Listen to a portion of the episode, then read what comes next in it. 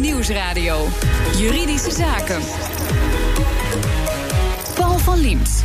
Rechters hebben er moeite mee het juiste gewicht aan DNA-bewijs te geven. Dat stelt oud-rechter Jaap de Groot in zijn boek DNA in het strafrecht. Hoe moet het niet, hoe moet het wel? In september sprak ik hem en Lex Meulenbroek, DNA-expert van het Nederlands Forensisch Instituut. In zijn boek probeert Jaap de Groot de logica te begrijpen die rechters in hun vonnis toepassen als het gaat om het DNA-bewijs. Een voorbeeld van een rechtszaak is een ontvoering van een jongen met een busje. Daar worden duidelijke DNA-sporen gevonden. Ik vroeg Jaap de Groot wat er vervolgens gebeurde.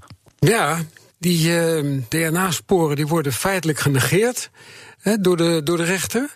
En uh, een vingerafdruk die eigenlijk de relatie legde tussen de dader en, uh, en de ontvoering, die wordt, daar wordt niet eens over gesproken. Dus daar gaat iets mis inderdaad op het punt van de logica van het redeneren. Hè? De logica van het bij elkaar leggen van gegevens, van bewijzen. En als je dan iets, iets gek vindt, ik, zei, ik wil het nu toch even wel zeggen. Je, letterlijk als je het leest, val je van je stoel. Want je denkt, uh, hoe kan de rechtbank tot vrijspraak komen? Want uh, het, het DNA was volgens de rechters dus niet voldoende bewijs. Ja, toen ik het dus analyseerde, lag het bewijs zo voor de hand. He, had er dus een veroordeling moeten volgen. Feitelijk had de man een, de helft van het verhaal bekend. En dan wordt hij toch vrijgesproken. Dus wat er nou gebeurt, is dat er in het hoofd van de rechter iets ontspoort. Dus zodra hij met, met, uh, met DNA te maken krijgt, of met, uh, met uh, ingewikkelde forensische dingen te maken krijgt. De rechter dan, als alfa vindt het eng als hij met, met beta-wetenschap in ja, aanraking komt. Ja, nou, dat is dus, ik denk dat dat aan de oorzaak ligt van het probleem. He, dus dan moet je als, als doorgewinterde alfa die Homerus kan vertalen, of die Vergilius kan lezen en zo, he, moet je opeens je verdiepen in statistiek in waarschijnlijkheden, in manieren van uh, onderzoek doen. En dan ontspoort er iets. Dan, dan, dan, dan, uh, dan, uh, dan is dat niet meer. Uh, nou, daar hebben we hier Lex Meulenbroek van het, ja, van het NFI. Die kan dat allemaal wel. Die kan dan weer niet waarschijnlijk Almeres lezen en Vergilius vertalen. Maar dat, dat klopt inderdaad. klopt allemaal. ja. Maar ja, er moet toch een enorme frustratie zijn. Zorgvuldig DNA-spooronderzoek. Het leidt tot een verdachte duidelijk. Hè? Je zegt, nou, duidelijker dan dit kan het zelfs niet. En uh, volgens een rechter, die, uh, die, die, die veegt het van tafel. Ja, nu is het zo dat wij uh, in verreweg de meeste gevallen ook niet zien wat er in de rechtbank gebeurt met zaken die wij doen. Wij doen tienduizenden DNA-zaken per jaar. Maar zoals in het boek van uh, Jaap de Groot is te zien, zie je ja. dat men uh, af en toe worstelt met het, uh, het duiden van het DNA-bewijs. Nee, maar het is een eufemisme. Dit is toch veel duidelijker. Het is er gewoon en het ontspoort iets, zegt meneer de Groot, in, mm. in, in, de hoofden van de rechters. Nou, dat is nogal wat in ja. de rechtsstaat. Nou ja, en op zich is het ook niet heel vreemd dat, dat er een worsteling is bij de, wat genoemde de alfa's, als je te maken hebt met zulke snel toenemende beta-wetenschap. Want dat is het. Bij het NFI hebben we 30 vakgebieden die eigenlijk allemaal zich enorm enorm snel ontwikkelen. DNA is natuurlijk heel erg in de, in de spotlight, maar ICT en zo hebben we nog zoveel vakgebieden die exceptioneel in ontwikkeling doorgaan. En zelfs voor DNA-deskundigen is het, uh, is het een klus om het allemaal bij te houden. En, maar vergoeilijkt u nu dat de rechter dan dit soort fouten maakt? Of nee, vergoeilijk het zeker niet. Nee, ik, uh, ik, ik snap dat die worsteling er is. Ik vind hem ook uh, begrijpelijk. Ik vind wel dat we met elkaar continu daar alert op moeten zijn. En, het was voor u ook niet nieuw toen u het las in het boek van meneer De Groot. Het was niet nieuw voor u dit. Nee, het is, het is de, de kenniskloof, zoals we dat noemen, is, is, is iets wat we al heel lang kennen. En dat is van voor de Schiedammer parkmoordtijd, daarna. En, uh, en, hoe lang geleden is dat ook alweer? Schiedam is, uh, dat is ruim tien jaar terug. Dus dat, al tien jaar lang is ja. het zo dat er waarschijnlijk heel veel mensen vrij uitgaan die niet vrij uit mogen gaan. Nou, dat, dat, dat kan ik niet zo beoordelen. Wat ik nou, wel misschien meneer dat... De Groot, kunt u dat wel beoordelen? Ja, is dat ik, waar? Ik ben, het, ik ben het met die stelling eens, ja. Ik denk dat er inderdaad heel bedoel, als ik het al 15 gevallen in, in een boekje kan, uh, kan beschrijven. Als je, als je leest op rechtspraak.nl, dat is dus de, de site Zeker. waar alle of de meeste vonnissen worden, worden gepubliceerd, dan zijn er echt, zodra het over DNA gaat, zijn er echt heel veel verkeerde redeneringen, verkeerde citaten, verkeerd begrip voor wat er gebeurt, verkeerde conclusies. Ik wilde bijna zeggen, het is een bouwde uitspraak van mij, dat er heel veel uh, om deze, heel, in, in deze zaken dus heel veel mensen zomaar vrij uitgaan die niet vrij uit mogen gaan. Maar u onderstreept het direct. Dus ik, nee, kan het, het, ik, kan het, ik kan het niet mooier maken dan het is. Dat is, je, dat maar is je, zou, zo. je zou kunnen zeggen, een rechter moet inderdaad 100% zeker zijn van de zaak voor die tot veroordeling overgaat. Dus het ligt, ligt misschien toch wat genuanceerder. Ja, maar de, de, grap is juist dat juist de DNA een hele hoge bewijskracht heeft. Dus als je DNA op de eerste plaats stelt, hè, dus je, je krijgt een dossier, nou dat is 10 centimeter dik of 20 centimeter dik. Dan kan je dat op allerlei, langs allerlei ingangen kan je dat benaderen. Hè? En ik denk dat je dat dus zo moet benaderen dat je begint met het allersterkste bewijs. Niet? Dus je begint met het DNA-bewijs. Je begint met de vingerafdruk. En alles wat er dan nog meer in dat dossier zit, dat moet passen in het verhaal wat door het DNA verteld wordt. Ja, meneer Meulenbroek van het NFI, u zou dat toch uh, direct moeten onderstrepen, lijkt me. Nee, dat, dat is iets waar ik, uh, waar ik zeker veel voor voel. En het is ook zo dat bent, je... Bent u blij met zo'n boek, dat dit dus ja, ook ik een vind keer het, geschreven het, wordt? belang, het belang van dit boek is dat het gewoon laat zien wat er in de praktijk, in de zittingszaal gebeurt. En dat het, uh, we kennen die worsteling, maar het wordt ook in dit, in dit boek heel duidelijk neergezet. En wat vaak het punt is, dat wij met DNA-bewijs, maar ook met vingersporen, we, we kunnen heel duidelijk en heel sterk benadrukken en aangeven van wie is dit spoor. De DNA-bewijs is in die zin extreem krachtig. Maar de grote worsteling is natuurlijk van ja, hoe komt dat spoor daar dan? Wat betekent dat in, in, in, de, in, in, de, in de zaak? Nou, zal ik de, deze zaak erbij pakken waar we het nu over hebben? In het geval van ontvoering had de verdachte een verklaring voor zijn DNA-materiaal in de bus waarmee de jongen was ontvoerd. Hij had hem gestolen. Dus je zou kunnen zeggen, ja, dat kan. Dat wil niet zeggen dat jij het dus gedaan hebt, want je hebt die bus gestolen. Dus daar heb je toch wel degelijk Nee, mee te maken, niet te groot. nee, klopt. Hij had dus inderdaad een deel van de sporen daarmee ondergebracht hè, in, een, in een alternatief uh, verhaal. Maar de, het, meest belangrijke spoor in dat verhaal, in die zaak, dat was dus de, de, de vingerafdruk op een, op een tape die op, de raam, op het raam was geplakt ja. na de ontvoering. Dat was zijn vingerafdruk. Die kwam niet voor in zijn verhaal. Daarmee valt zijn verhaal dus weg. He, als ja. je een verhaal vertelt, dan moeten alle sporen daarin een, een, een, een, een plek vinden. Misschien, Lex Meulenbroek, is de grote verwarring wel. Uh, natuurlijk door uh, de, de, de, de moordzaak rond uh, Nicky Verstappen. Dat hij door DNA-onderzoek voor een doorbraak heeft gezorgd. En dat heel veel mensen dan denken, zie je wel, dat is leidend in de onderzoeken. Goed zo, de ontwikkeling van de techniek helpt ons verder. Ja, nou, dat is natuurlijk absoluut zo. Zo'n DNA-match is natuurlijk een enorme doorbraak in een zaak. Maar wat belangrijk is, dat vervolgens moet gekeken worden... van hoe past dat DNA-bewijs nou in het verhaal? En dan heeft het OM doorgaans het verhaal, het spoor is daar tijdens het delict terechtgekomen. En dan is kan... het OM daar verder in dan de rechterlijke macht? Nou, nee, wat, uh, wellicht. Maar eigenlijk moet je werken in twee scenario's. Het scenario van de OM en het scenario van de verdediging. Ja. En dan kan je kijken van nou, dat, dat, dat spoor, dat hebben wij gekoppeld aan een persoon. Nou, dat is, een, dat is bijna een absolute uitspraak. Maar hoe komt dat daar dan? En dan zijn allerlei uh, facetten die daar een rol spelen. De hoeveelheid DNA, uh, wanneer is het daar aangetroffen, hoe. En in ieder geval in het boek worden sporen aangetroffen die bijna niet anders kunnen zijn achtergelaten dan tijdens het delict zelf. Nou ja, dan wordt zo'n DNA-match in combinatie met die informatie steeds sterker en nadeliger voor de verdachte. Dus het is een combinatie van. En, en daarin is het heel belangrijk, en dat doen wij ook tegenwoordig door ook wat we noemen onderzoek op activiteitsniveau te doen, om alle informatie omtrent die sporen in het licht te beschouwen van het verhaal van de ene partij ten opzichte van het verhaal van de andere partij. En natuurlijk, dat gebeurt ook, maar dan moet een rechter dat ook goed op een juiste manier kunnen wegen. En dat is nou net de aanklacht, ja. zou ik bijna zeggen, in het boek van meneer De Groot, dat dat niet lukt. Klopt. Ja. Vindt u, meneer De Groot, dat het, dat het Openbaar Ministerie verder is dan de rechterlijke macht? Ja, maar mijn, mijn, maar ja, ik, bedoel, ik heb daar natuurlijk geen onderzoek naar gedaan. Ik heb dat niet geturfd. Maar mijn indruk van uh, van uh, als ik de reacties hoor van het OM of uh, pleidooi, het requisitoors lees van het OM, dan heb ik de indruk dat er in ieder geval heel veel officieren meer snappen van het DNA dan, dan rechters. Laat ik er nog een, uh, nog een hoofdstuk bij pakken. Nog een zaak dus, voor Lex Meulenbroek in dit geval. dat gaat over de vastgoedhandelaar die in zijn woning aan de Bezuidenhoutse weg in Den Haag is neergeschoten. Daar wilde u ook nog iets over zeggen. Nou ja, die zaak was eigenlijk een van de eerste zaken die, en die wordt ook in het boek van Jaap de Groot besproken. Ja. dat was eigenlijk een van de eerste zaken waarin zeg maar, de, de, de verdediging en het OM niet ter, ter discussie stelden van wie waren die sporen nou. Dat was wel duidelijk. Maar de verdediging kwam dus met een, met verschillende alternatieve verhalen hoe die sporen van die verdachte daar terecht zouden zijn gekomen.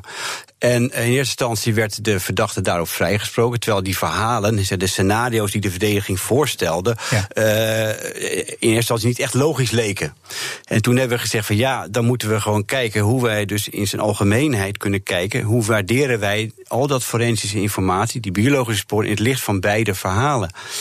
En dat heeft er eigenlijk wel toe geleid dat we sindsdien ook veel meer onderzoek doen op wat we noemen activiteitsniveau. Dus niet alleen kijken van wie is het, maar hoe komen die sporen daar terecht? Wat, uh, wat vertellen die bewijsmiddelen ons in het licht van die twee verhalen die voorgelegd worden? Ja, ik zou zeggen, meneer de Groot, dat is Lex laat de, de, de grap van die zaak laat hij weg. Hè. Er was dus ja. een verhaal dat uh, die man, die verdachte, die had dus verteld... ja, het kan best zijn dat mijn DNA op het jasje van het slachtoffer... Uh, dat die hij had, of die was doodgeschoten, dat, dat daar DNA was gevonden.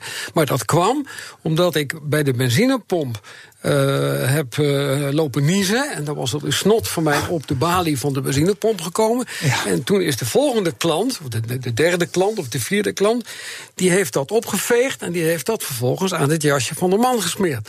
nou, dat verhaal, dat, dat heeft, daar is de rechtbank is daarin getrapt. Nog, ja. En wat heeft ja. het NFI toen gedaan, bij, bij, in hoger beroep? Die hebben toen gezegd, hoeveel, als je dat nou zou onderzoeken... of dat kan, hè? Je, de, de, de, het speeksel uit je neus op de balie... Ja. en dan uh, voor, door de derde, vierde, vijfde klant meegenomen naar, naar weet ik het waarheen... hoeveel DNA of hoeveel celmateriaal heb je dan nodig om dat bij bij die hoeveelheid die gevonden is uh, te laten gebeuren. Toen kwamen jullie geloof ik op anderhalve liter ja, of zo, anderhalve liter snot. Ja, nou, is dat anderhalve liter snot, hè? dan moet je flink voor niezen toch? Dan moet je behoorlijk smeren. Maar het idee wat je in die tijd zag, dat de verdediging of, of met, met een scenario's kan komen die op zich het DNA wel kunnen verklaren en wellicht wel uh, misschien heel idioot overkomen, maar sec gezien uh, verklaart het wel, kan het de verklaring zijn waarom het DNA daar terecht is gekomen. En toen hebben we wel met elkaar gezegd daar moeten we toch wel eens meer aandacht aan besteden. Hoe kunnen wij, ook vanuit de wetenschap, daar uh, op een andere manier naar kijken? En dat is wat we nu ook doen. En de onderzoeken op activiteitsniveau zijn in die zin heel waardevol voor de rechtbank. Straks, als hij het nu niet snapt, hoe kan de rechter het in de toekomst dan wel begrijpen? BNR Nieuwsradio. BNR Juridische Zaken. In zijn boek DNA in het strafrecht Hoe moet het niet, hoe moet het wel... legt oudrechter Jaap de Groot aan de hand van vele voorbeelden uit... waarom rechters in zijn ogen alle logica verliezen... als het om DNA-bewijs gaat. DNA-expert Lex Meulenbroek van het NFI... die herkent de kritiek en samen zijn ze hier te gast. Uh, Lex Meulenbroek, moet het NFI zijn rapporten anders gaan formuleren... op een andere manier gaan aanbieden? Nou, ik denk dat we uh, nog intenser met elkaar in gesprek moeten en elkaar gewoon in, van kennis voorzien. Intenser uh, met elkaar in gesprek, wat betekent dat? Dat we gewoon, uh, kijk, de, de wereld, de rechterlijke macht en de, de forensische wereld zijn, die, die, die, die moeten dichter bij elkaar ten aanzien van kennisuitwisseling. Maar het gaat om tienduizenden onderzoeken per jaar. Ja, nou dat betekent dat we gewoon de. daar ga je intens over in gesprek. Nou, niet per zaak, maar in, nee. over de algemene methodieken. wat betekent de bewijs Hoe, hoe werken wij? Wat is de logische redenering die wij toepassen? En door dat helderder te krijgen bij de, de rechterlijke macht, dat zal enorm helpen. Maar ligt het, het is, het is heel vervelend bijna om in dit geval te zeggen, maar uh, moeten die rapporten van jullie helderder of moet de rechter beter tegen nadenken? Nou, het is van twee kanten. Kijk, het zit natuurlijk niet alleen in die rapporten. Je, je, kan, die, je kan een rapport nog, nog uitgebreider en helderder maken, maar als men de denktrand niet begrijpt, dan ben je daar ook niet mee. Dus je moet zorgen dat in eerste instantie de wereld elkaar goed snappen in de manier van denken, de manier van redeneren. Wat betekent de bewijskracht die wij leveren? Nou, daar wordt aan gewerkt. Het duurt al heel lang, want u zei eerder in dit gesprek al, sinds de Schiedammer Parkmoord is er al verwarring. Dat betekent meer dan tien jaar. Dus al ja. tien jaar lang is er uh, miscommunicatie tussen beide partijen. Nou, ik denk dat we op zich uh, heel veel hebben gedaan. Uh, dat neemt niet weg dat je, de, dat je daarmee alles voorkomt. Maar wat wij nu wel zien, is dat wij duidelijk zien dat we gewoon eigenlijk 24-7 elkaar moeten kunnen informeren. En wij zijn nu ook bezig om een digitaal forensisch kennisplatform op te zetten. Waarbij en dat heet wij... zo dan of niet? Sorry? Dat heet dan ook meteen zo, hè? 24-7 ja. kennisplatform. Ja. ja, zo heet het dan. Ja. Nou ja, ja, dat is even de werktitel. Maar waarmee je dus uh, zowel met de rechters als de officieren, als de politie, als de advocatuur gaat kijken wat is nou de informatie die jullie nodig hebben, de algemene informatie, om die uh, forensische materie, maar ook die forensische rapporten beter te doorgronden. Misschien zou het helpen als de DNA-expert zich uitlaat over de schuldvraag. Is dat een goed idee of juist niet meer de nou ja, dat, dat, dat lijkt me niet een goed idee. Punt nee. één. Want er zijn meer factoren dan natuurlijk dat deel waar, waar het NFI over gaat. Hè.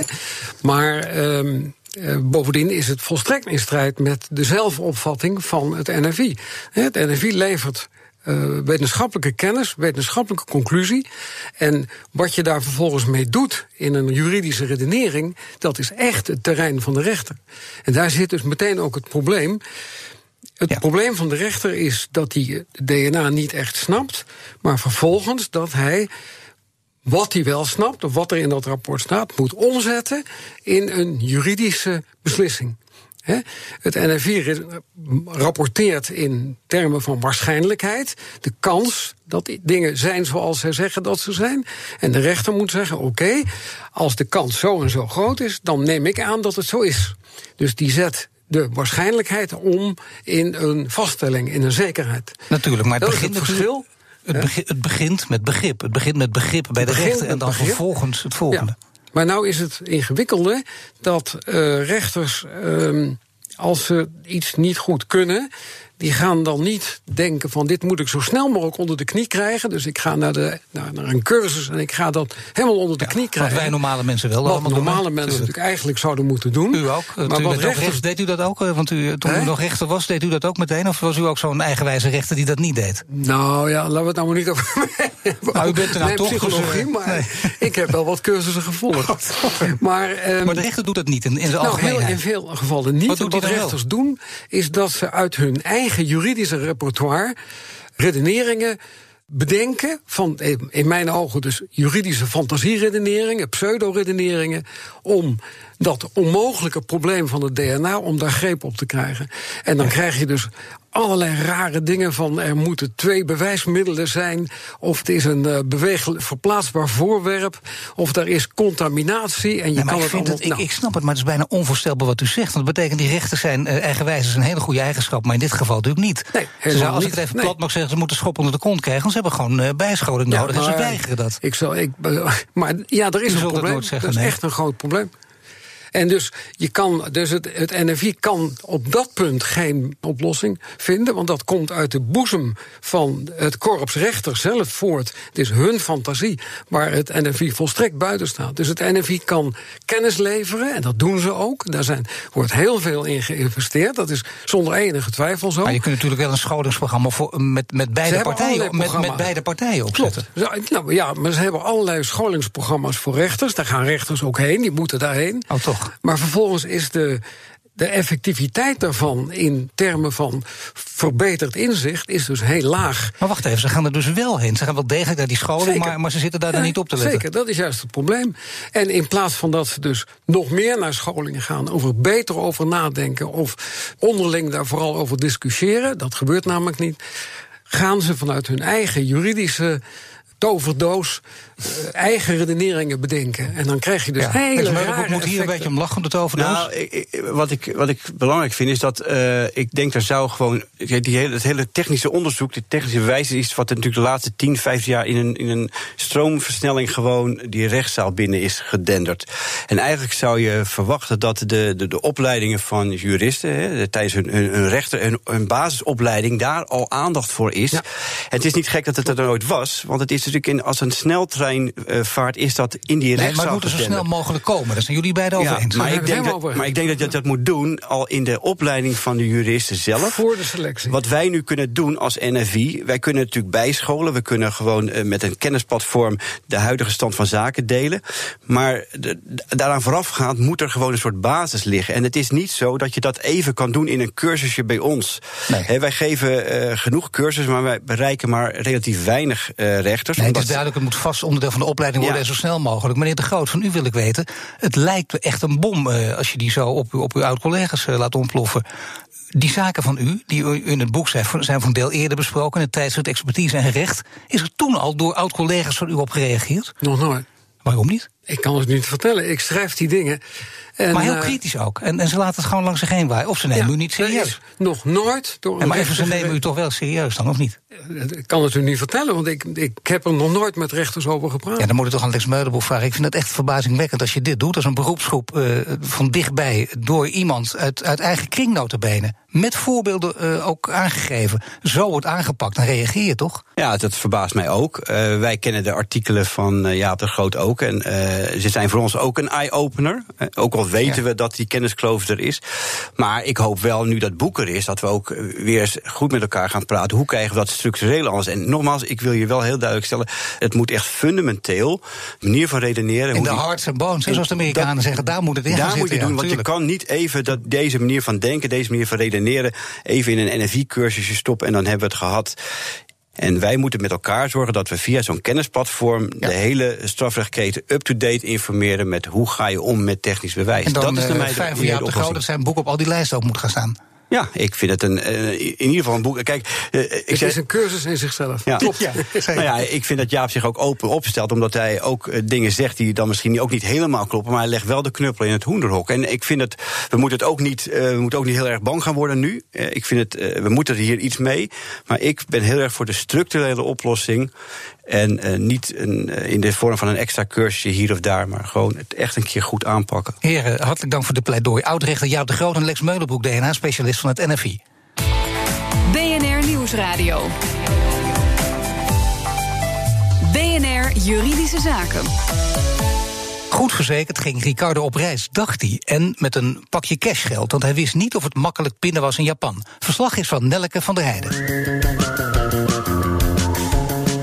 Ricardo, je was in januari op vakantie naar Japan. Je had wat cash meegenomen, maar dat ben je kwijtgeraakt? Dat klopt. Ik eh, trok eh, door Japan heen. Op een gegeven moment heb ik een eh, Airbnb-woning gehuurd, waar ik een paar dagen verbleef.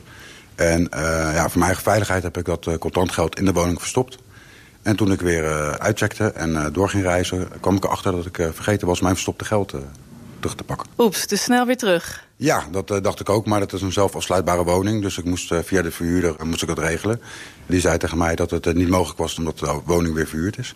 Maar hij zou even voor mij kijken of hij het kon vinden. En? Nou, hij heeft helemaal niks gevonden. Dus dat geld is weg. Ja, dat geld is weg. En nou, ik ben gelukkig eh, verzekerd daarvoor. En eh, heb daarvoor gewoon aangifte gedaan bij de politie. Ook voor cashgeld was je specifiek verzekerd. Dat klopt. Ik heb een doorlopende reisverzekering. eh, inclusief een clausule voor diefstal van contant geld. Om hoeveel geld gaat het eigenlijk? Het gaat om eh, 950 euro. Maar ik ben verzekerd voor 750 euro. Ja, dus je kreeg maar 750 euro terug. Dat dacht ik. Want toen ik het bij de verzekeraar neerlegde en het onderzoek was gedaan... werd mijn claim geweigerd. En waarom? Maar volgens de verzekeraar kon ik niet aannemelijk maken dat ik eh, 950 euro eh, bezit. Want je had geen pinbon of zo. Ja, eh, zij zeiden van omdat ik het bedrag niet heb gepind... kan ik ook niet eh, aantonen eh, dat ik dat geld eh, heb. Dus die 950 euro is gewoon weg en daar krijg je niks meer van terug. Eh, volgens de verzekeraar wel. Ik zelf eh, vind van niet, omdat ik het ja, wel onzin vind. eh, dat stond niet in de voorwaarden. Dat ik met een pinbewijs moet aantonen eh, dat ik dat geld op dat moment eh, bij me had. Hugo Bijleveld van Pakte Advocaten. Kan Ricardo nou nog iets eh, tegen deze verzekeraar beginnen? Ja, dat kan hij proberen, maar ik zal direct zeggen dat wordt wel lastig. Het is namelijk zo dat eh, als jij als verzekerde dekking claimt onder de verzekering, dan eh, rust in beginsel op jou de bewijslast. Met andere woorden, hij zal moeten bewijzen dat zijn geld is gestolen. Dus dat is best moeilijk om te bewijzen. Dus de lat daarvoor, dat wordt ook erkend in de rechtspraak, die ligt laag. Hij zal in ieder geval een aangifte moeten overleggen. Nou, eh, hij heeft een aangifte. Maar hij zal ook aannemelijk moeten maken dat hij dat geld daadwerkelijk had. Normaal gesproken zou je zoiets eh, door middel van een pinbon kunnen doen of een bankafschrift. Maar dat heeft Ricardo niet en dat maakt het wel moeilijk voor hem. Ook al staat het helemaal niet in de voorwaarden. Nee, dat staat inderdaad niet in de voorwaarden, maar dat volgt eh, uit de verzekeringsovereenkomst en ook eh, uit de rechtspraak. Kan hij dan toch nog bij die verzekeraar aankloppen van ik had dat geld echt? Nou, hij kan het proberen. De verzekeraar heeft de dekking afgewezen. Hij kan daarover een, een klacht indienen bij de verzekeraar. Als die klacht zou worden afgewezen, dan staan hem nog wel mogelijkheden open. Hij kan naar de rechter gaan. Maar ik zou hem in dit geval altijd aanraden om naar het KIFIT te gaan. Het Klachteninstituut voor Financiële Dienstverlening. Dat is een bindend adviseur. En de verzekeraars eh, die volgen dat eh, meestal wel. En het is een laagdrempelige instantie. Je betaalt 50 euro eh, administratiekosten. Je hebt geen advocaat nodig. Dus eh, je kan heel simpel dat dan voorleggen. Maar het heeft alleen zin als hij toch op een hele overtuigende manier kan verklaren waarom hij dat cashgeld heeft. En ook dat hij dat bij zich had. En dat zegt Hugo Bijleveld in een verslag van Nelke van der Heijden. Heeft u ook een juridische vraag? Mail hem naar juridischezaken.bnr.nl. En dit was de uitzending voor vandaag. U kunt de show terugluisteren via bnr.nl slash juridische zaken. Mijn naam is Paul van Diemt. Tot de volgende zitting.